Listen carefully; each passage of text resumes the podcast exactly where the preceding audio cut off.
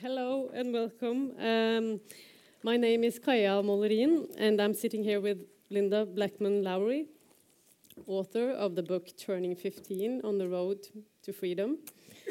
Born in Selma, Alabama, where you still live. Uh, and as the title of the book almost tells us, the youngest participant in the now famous Selma marches.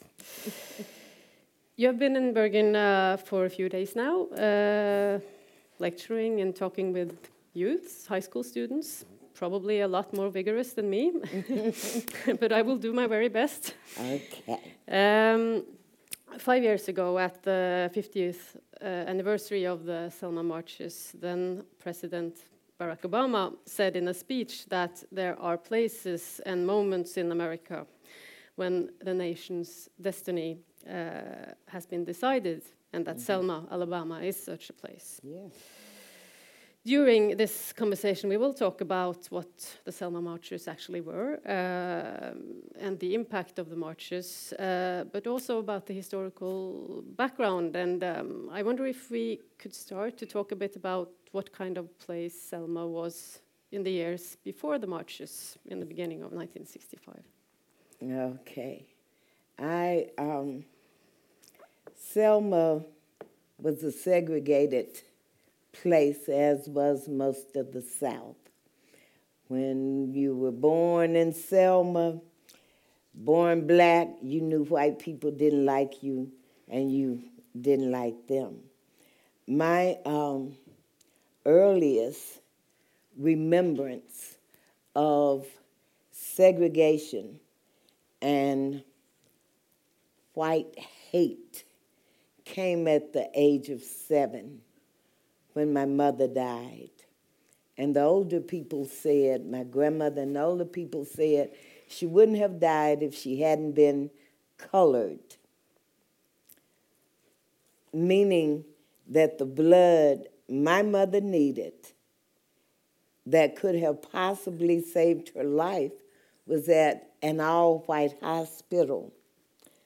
But that white blood was too precious for my mother to have.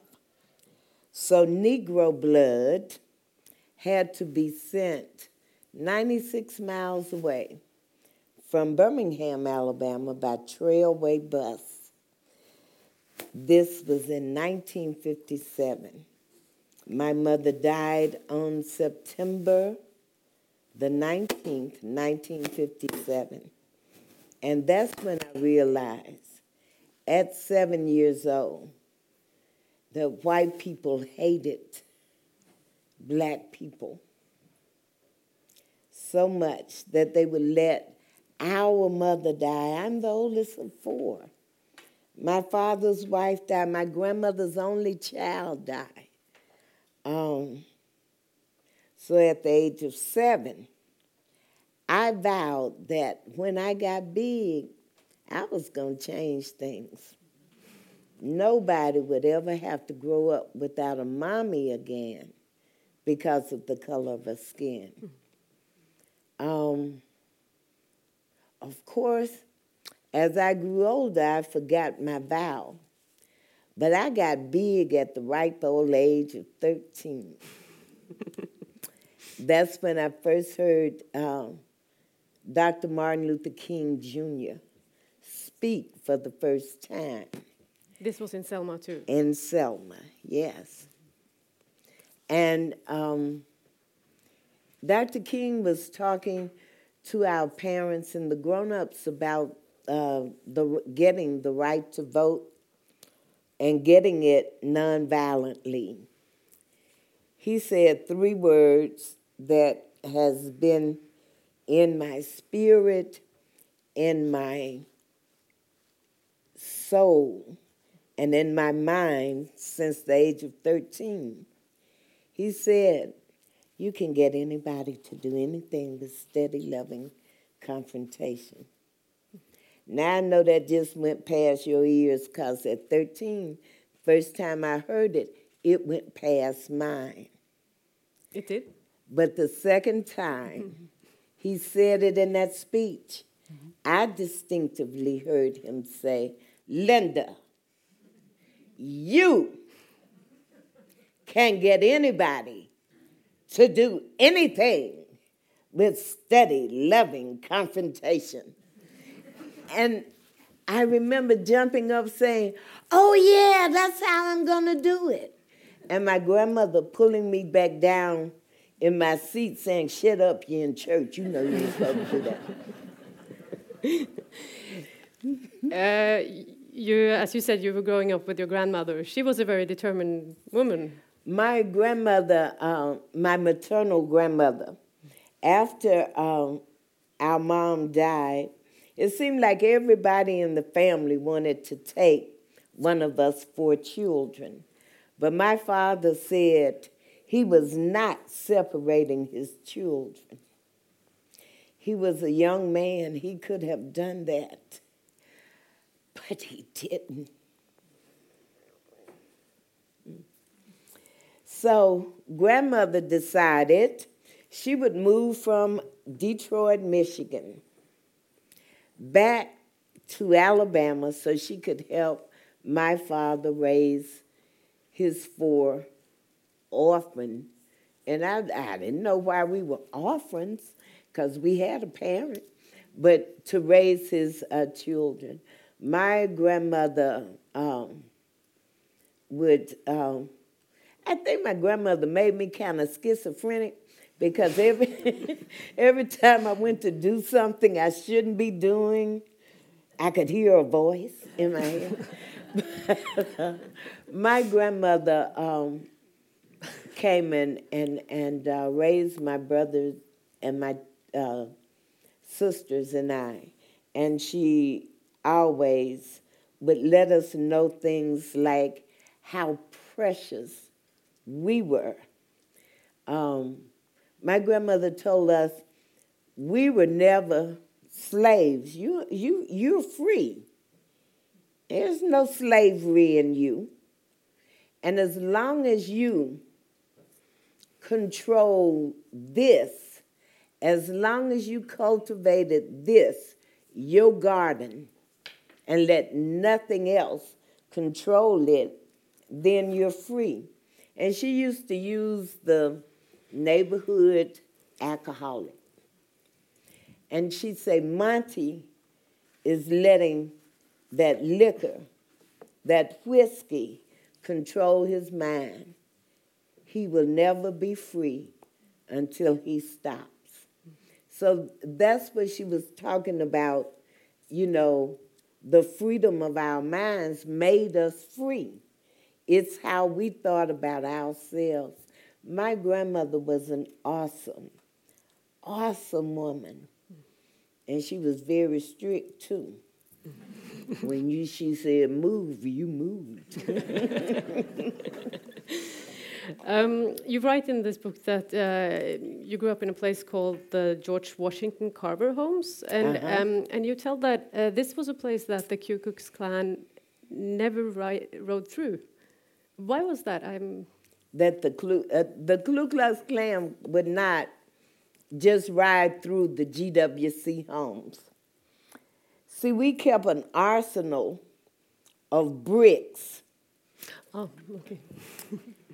and things that if they came through our neighborhood and we knew it, we would start throwing bricks and they would get bricks all the way down this street.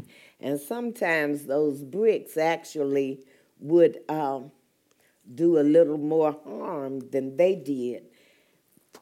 Ku Klux Klan had a habit of riding through neighborhoods with their face covered in sheets, and um, they would have um, torches burning as, you know, holding them out of the car window and stuff and that was to scare and intimidate people.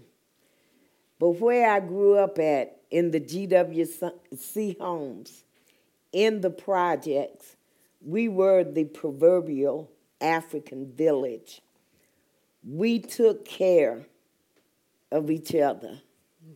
Like I say in my book, if Mary if Miss Mary couldn't pay her rent this month, then the people in this area of this village had card parties and fish fries and so chicken dinners and whatever to help Miss Mary get that money.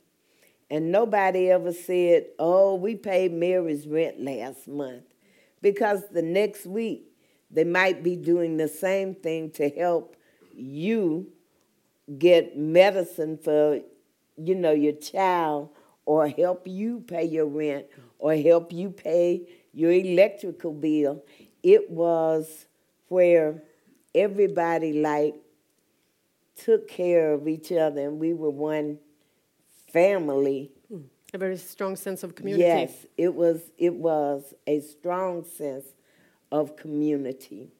And if you look at the word community, you see it ends with unity.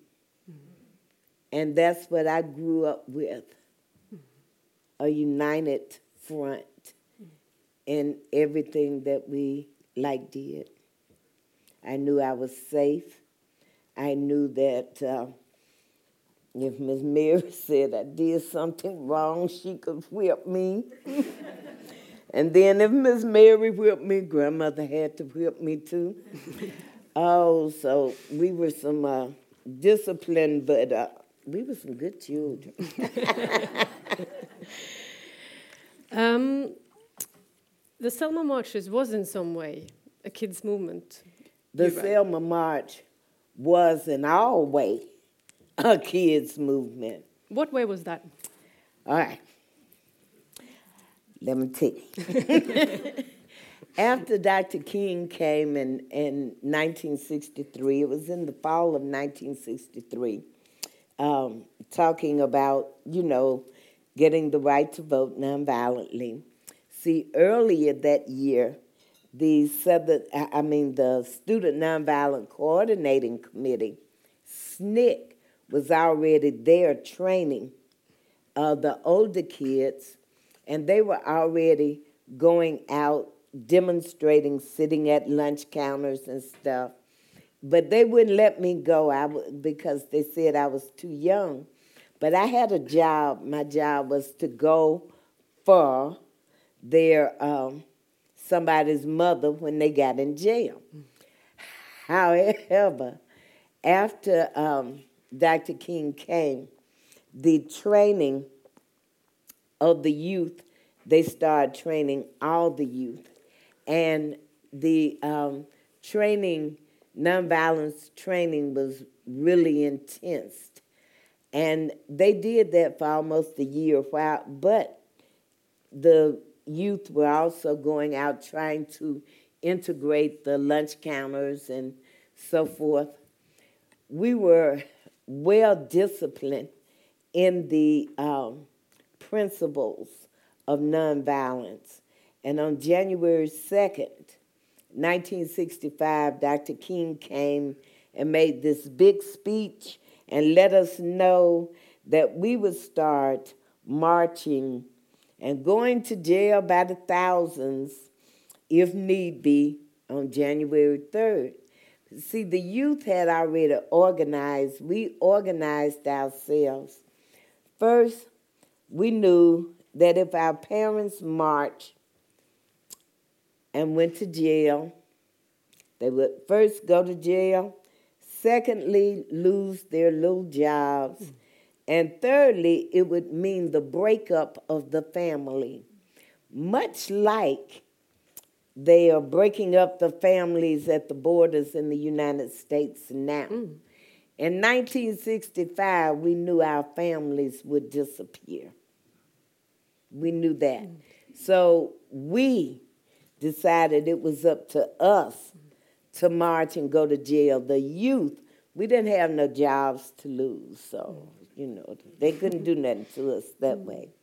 Um, that's how the Selma movement became a children's movement. Um, Dr. King was there once, and he led 500 children um, on this march, and um, of course, we were arrested. We were led by Dr. King and, and Dr. Abernathy. And they put all us in jail for, uh, the children in jail for a few hours. And they let us all out because they didn't have, really have any place to put 500 children. and you went to, to jail nine times or so before you were 15? Yeah, I went to jail nine times before I was 15. You're looking at a proud and happy jailbird now. because I didn't go to jail for hurting anybody or taking anything from anybody. I went to jail for what I believed in. And I believed that me, along with all those other people, was going to make change. Some people was marching for voting rights I was thinking like, hey, I'm 14. I won't be able to vote until I'm 21. I was marching for medical rights, for medical, good medical treatment mm-hmm. for women of color. Mm-hmm. Now marching for medical treatment, good medical treatment for all people. Mm-hmm. But back then, I wasn't worried about white folks because white folks had it all. And all we were, all I wanted was for my mother and other black women to be able to get what they needed medically to stay alive and take care of their children. Sometimes I still go through, um, I still end up crying and stuff when I when I think about just not having my mommy with me I think about things. Uh, I'm the oldest of four, and I'm the only one that remembers anything about my mom. Hmm. And and I think about that, you know. You have pictures and. I have one picture of my mom and dad together. We were not the picture taking family, although I think I am very photogenic. of course you are. they didn't take pictures of beautiful little me.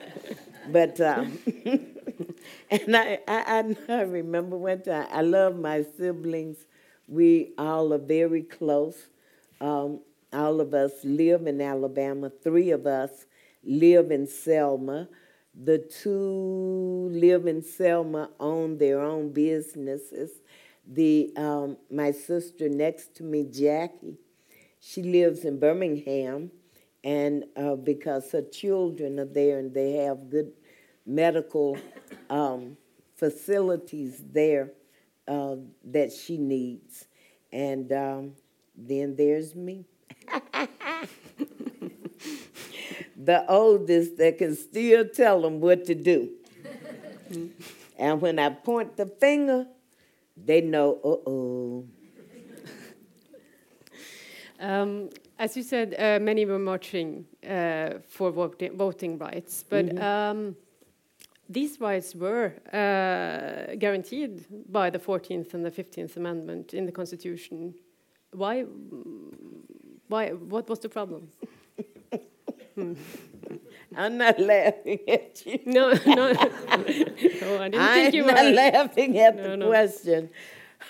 this is mm. the segregated South, mm. the South that fought, um, had a civil war with the North so that they could keep people enslaved. Mm-hmm.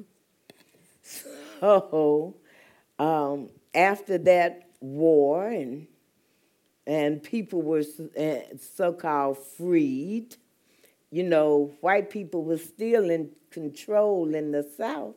They owned everything, and sometimes they thought they owned everybody. And this was after the Civil War. Um, earlier, I told you I was going to just say it like it was because um, I grew up being called a nigger. My daddy was a nigger. My grandmother was a nigger. That word means ownership. It was designed to let you know, people of color know that they were nobody, would never be anybody, and that they were still owned by white people. And it seemed like the poor the white person was, the worse they treated you as a black person. I remember being nine years old, and my father took me to town to buy me a pair of Sunday dress shoes for church. And I remember getting out of the car, and I'm skipping down the street with my father, and I look up and I see this tall black man, proud, shoulders square and head high, hat on his head. And we go in a store called Boston Bargains.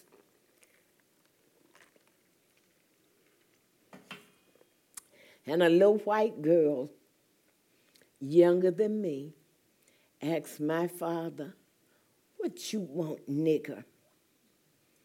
And I looked at this man, and his shoulders were slumped.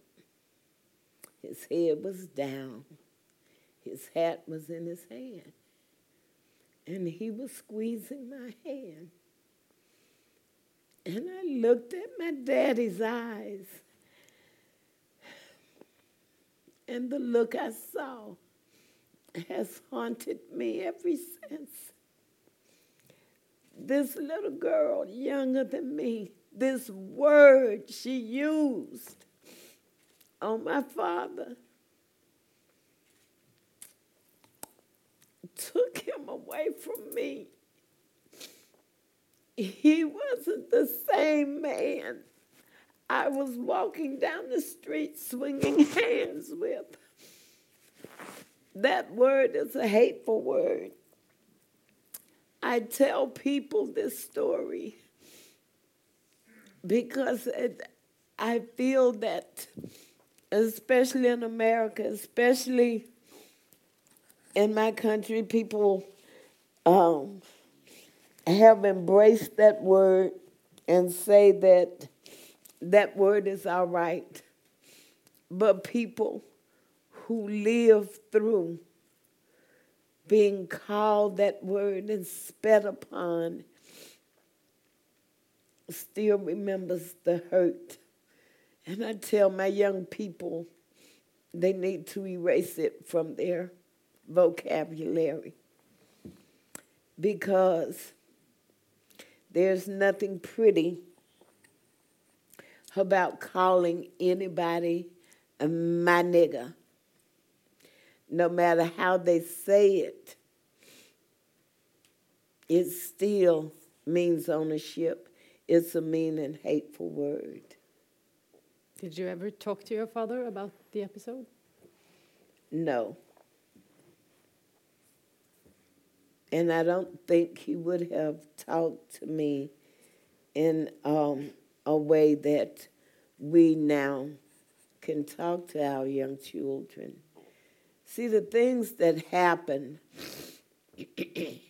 to us growing up in a segregated society, living in a segregated society, um, in many ways was traumatic. And there was no way for us to let, uh, to get those feelings out. It took me 40 years before I could talk about um, the things that happen or growing up or whatever. And um, when I shed tears, and I do get emotional telling the story, even now, because there are some things that still hurts and it feels like a knife is sticking into me but I know every time I talk, every time I shed a tear, it is releasing some of that hurt, some of that pain, and some of that hatred that is inside of me. And the hatred inside of me is not directed at any one thing. is the fact that sometimes I hate that I had to live through that and other people had to live through that. I have friends who cannot talk about the things that happened to them, the things that they saw growing up. We had no way to release any of those things when we were growing up as children do now. Mm. So, a lot of people are living with that post traumatic stress syndrome, and some of them don't even know what what it is because they can't pull it out. And I feel blessed that I can. And I feel blessed that I can t- talk about it. I never apologize for a tear or any words I say because this is my truth and my release. And I need this. I thank all of you for listening. Thank you for coming, but I need this release. And all of you are helping me. So I appreciate that. We are very happy to have you here.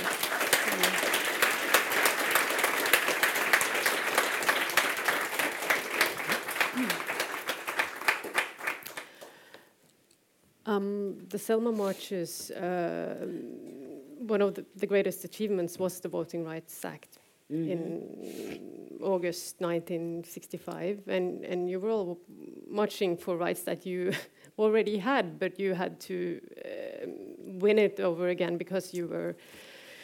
Uh, people were making it very hard for black people to, to vote. In what ways could that happen? Well, look, we had some of the smartest teachers that ever walked on the earth. And our teachers couldn't register to vote because they had questions on the um, test that was like, how many bubbles in a bar of soap? Or how many jelly beans in a gallon jar? or how deep is the Alabama River? And the questions that had nothing to do with civics, the Constitution, citizenship, just questions that they had made up. And then to register to vote, they had, um, you had to have a white person vouch for you. Now, white people felt more superior, just knew that they were more superior than you. And um, so, you know, that's why we had to get out and actually fight non-violently mm. for that right to vote. Mm. And I believe in a, um, that since children were a pivotal part of making history in the United States in um, 1965. We were marching for specific things, voting rights and civil rights. Now, it's going to take our children, our young people, to put the word human back into the word humanity. And that's going to be around the uh, around this globe. Because what affects me in Alabama going to affect you in Norway. If I'm not breathing, I can't breathe good air. I'm being, and we're being uh, flooded. You know, this global warming, this is affecting all of us. What's affecting one is affecting the whole entire human race. Nobody is exempt, no matter what it is. It could be health care, the climate control, um, and the politics. I'm going to move over here because I can vote, period. Don't have to register. I'm coming back, yeah. Um, but it affects all of us. So that's why I believe our children, our young people, are our leaders now. And they are getting out and, and doing things. You have I can't think of Greta's last name. I'm going to adopt that child. uh, I can't think of her last name, but you have Greta fighting for climate control, and she has organized children all around this world. She has organized children from South Africa to America. You know, she has organized this and children will make this change. In America, children went up against the NRA, National Rifle Association.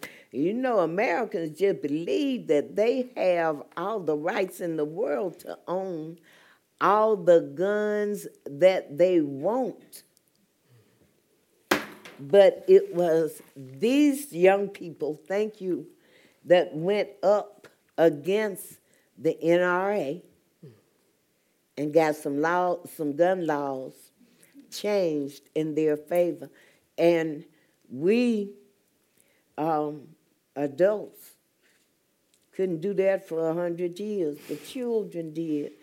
Children will be the ones to put human, human back into humanity because this is a global uh, war that we're in, and we will uh, win nonviolently. I believe that. The protests in 1965 were nonviolent, mm -hmm. as you said, but you were not met nonviolently. No, um, we weren't the most, um, the two pivotal uh, pieces of violence that um, I ran across in uh, during that time. One was the uh, shooting of a young man named Jimmy Lee Jackson in a place called Marion, Alabama, that was about 30 miles from Selma. They were having a night march and um, they were marching two blocks from a church where they was having a mass meeting to the city jail in Marion.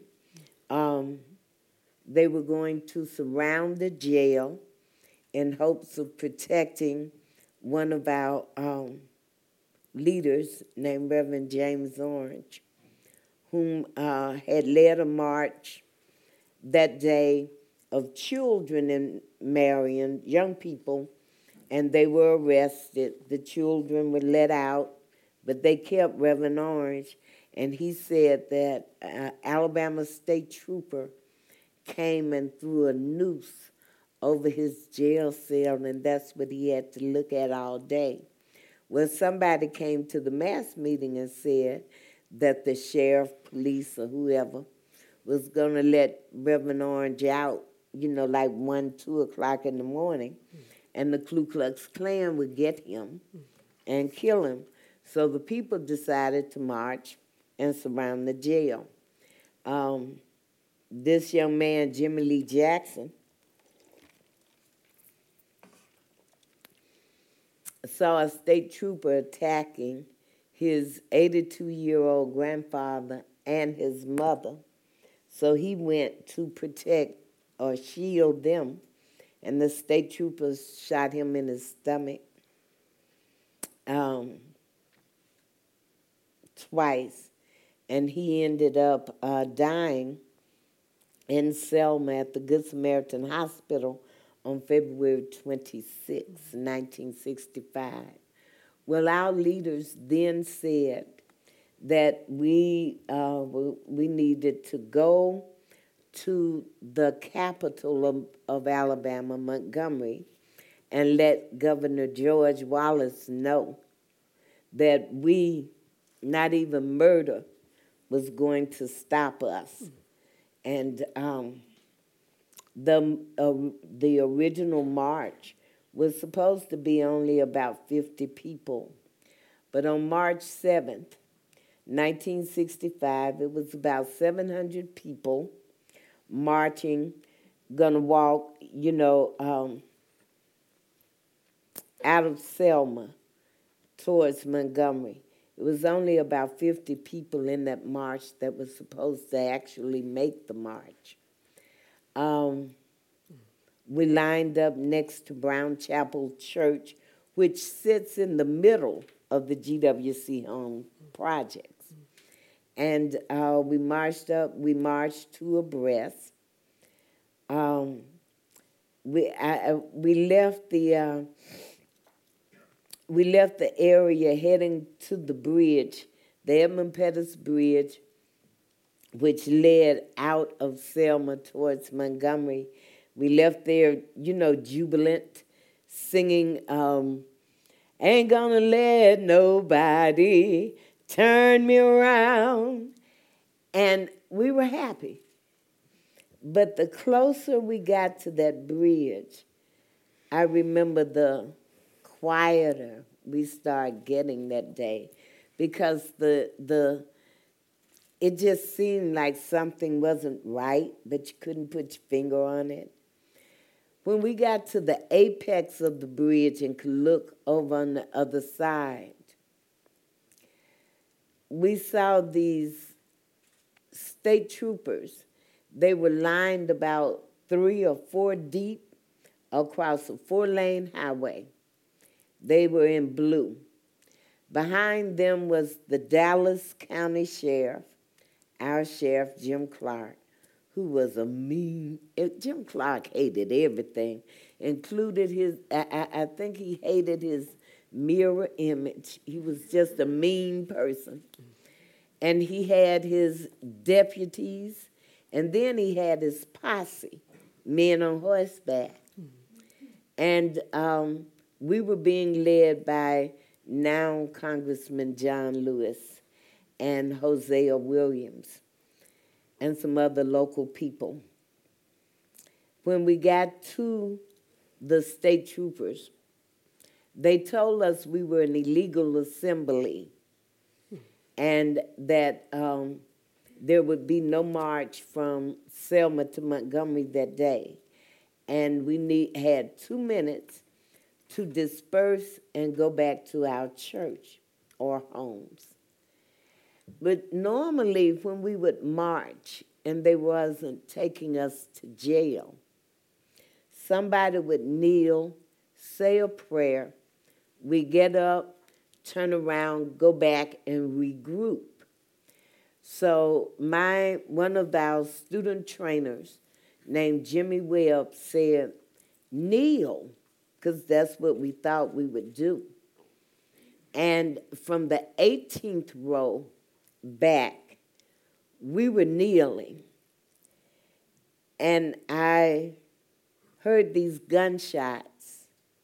And then there was this smoke coming up from the ground.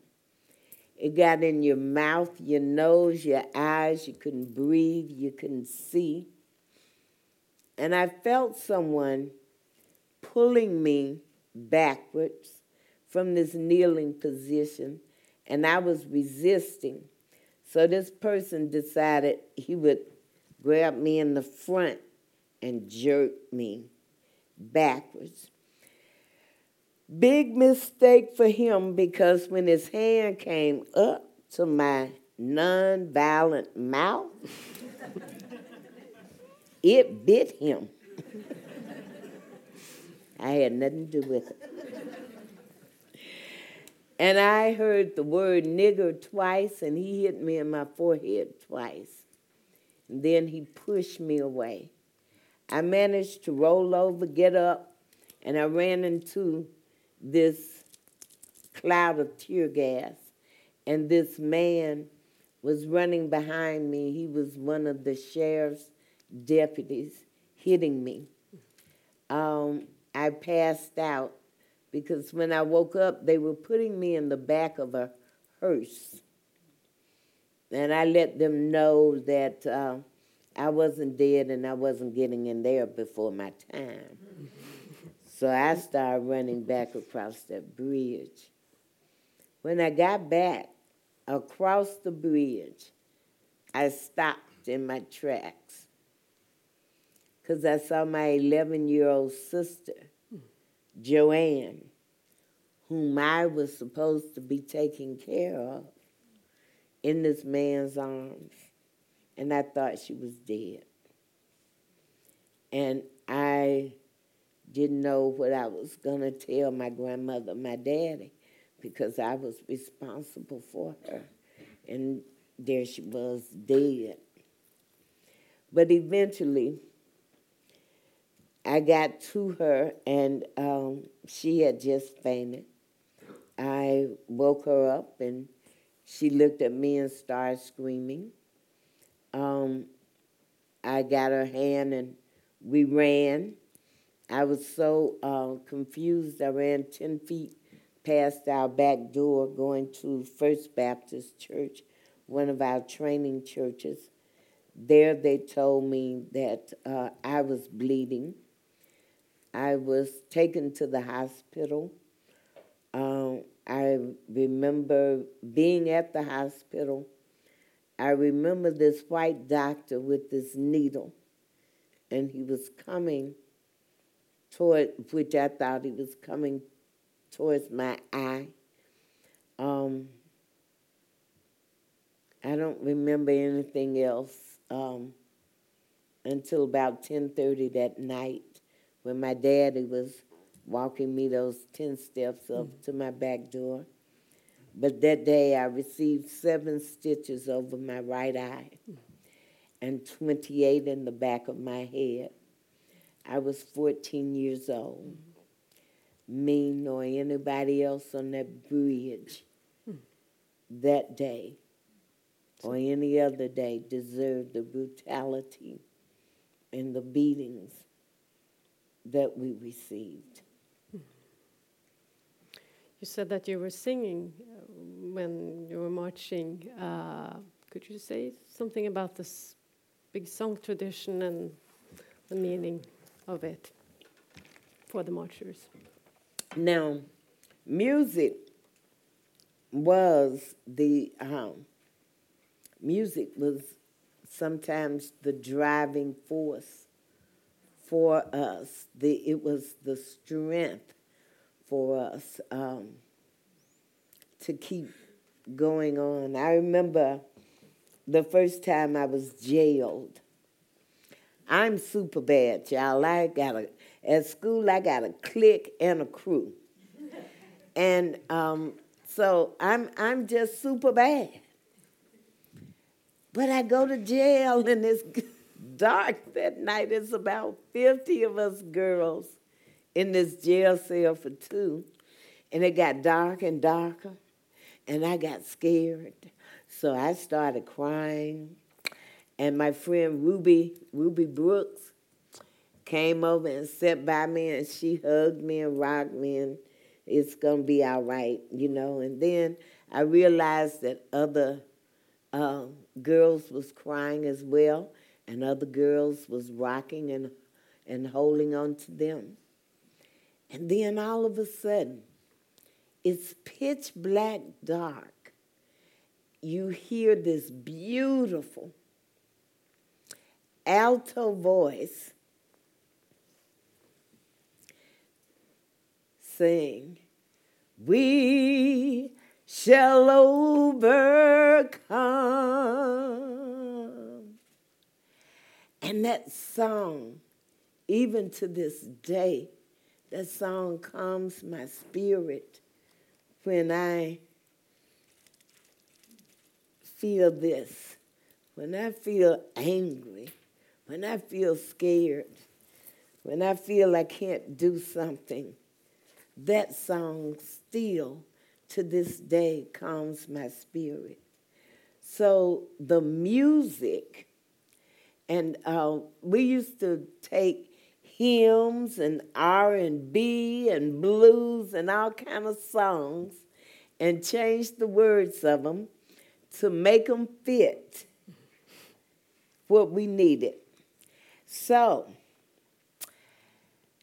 ever since um, 2015, 2016 rather, ever since, ever since Donald Trump was elected president, I'll put it like this.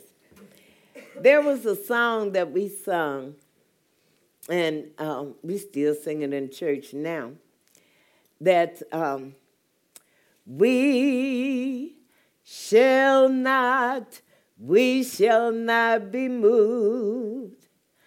We shall not, we shall not be moved, just like a tree that's planted by the waters. We shall not be moved. Well, I added a verse to that song when Donald was elected, and I'm singing it loudly now.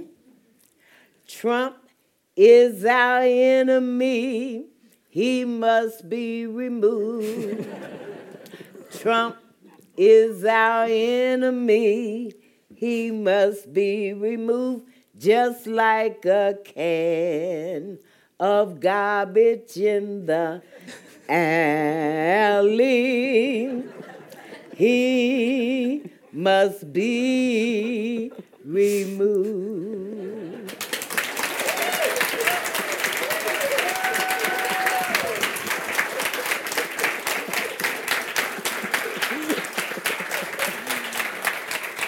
I'm not Beyonce, but I can sing my song.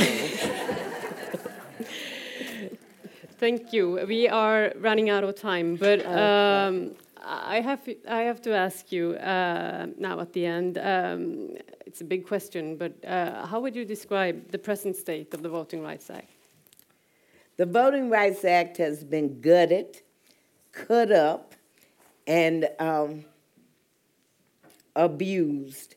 And I tell people, including myself, but I've, I've never been a, a fan of these TV shows, I just use them. While we were sitting up there watching The Housewives of Atlanta and laughing at Honey Boo Boo, we were not fo- looking at or focused on the things we should have been, which was affirmative action. They did not only gut it, they tore it up and sent it away like it never happened. And the Voting Rights Act, they have cut it up so. And it's called voter suppression.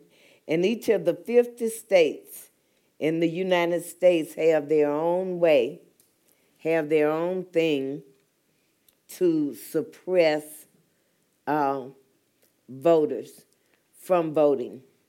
And um, we are now still fighting for the right to vote nonviolently. Um, that's one of the things that's happening to the human race in in uh, in America. Um, I do believe.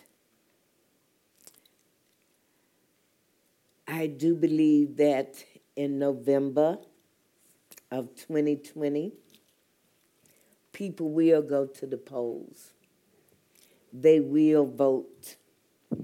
And we will head toward we the people again instead of having me the president.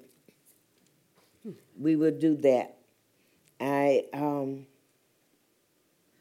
I am confident that we are going to step out. I tell people this is the year of 2020. When you go and have your eyes checked and your doctor says your vision is 2020, that means you can see clearly. You have perfect vision. So see your way clearly to the polls. That's what I tell Americans. See your way clearly to the polls Vote at every election. Let the power you have be heard and uh, take somebody with you. Thank you so much for this conversation. Thank you. Thank you. Thank you so much.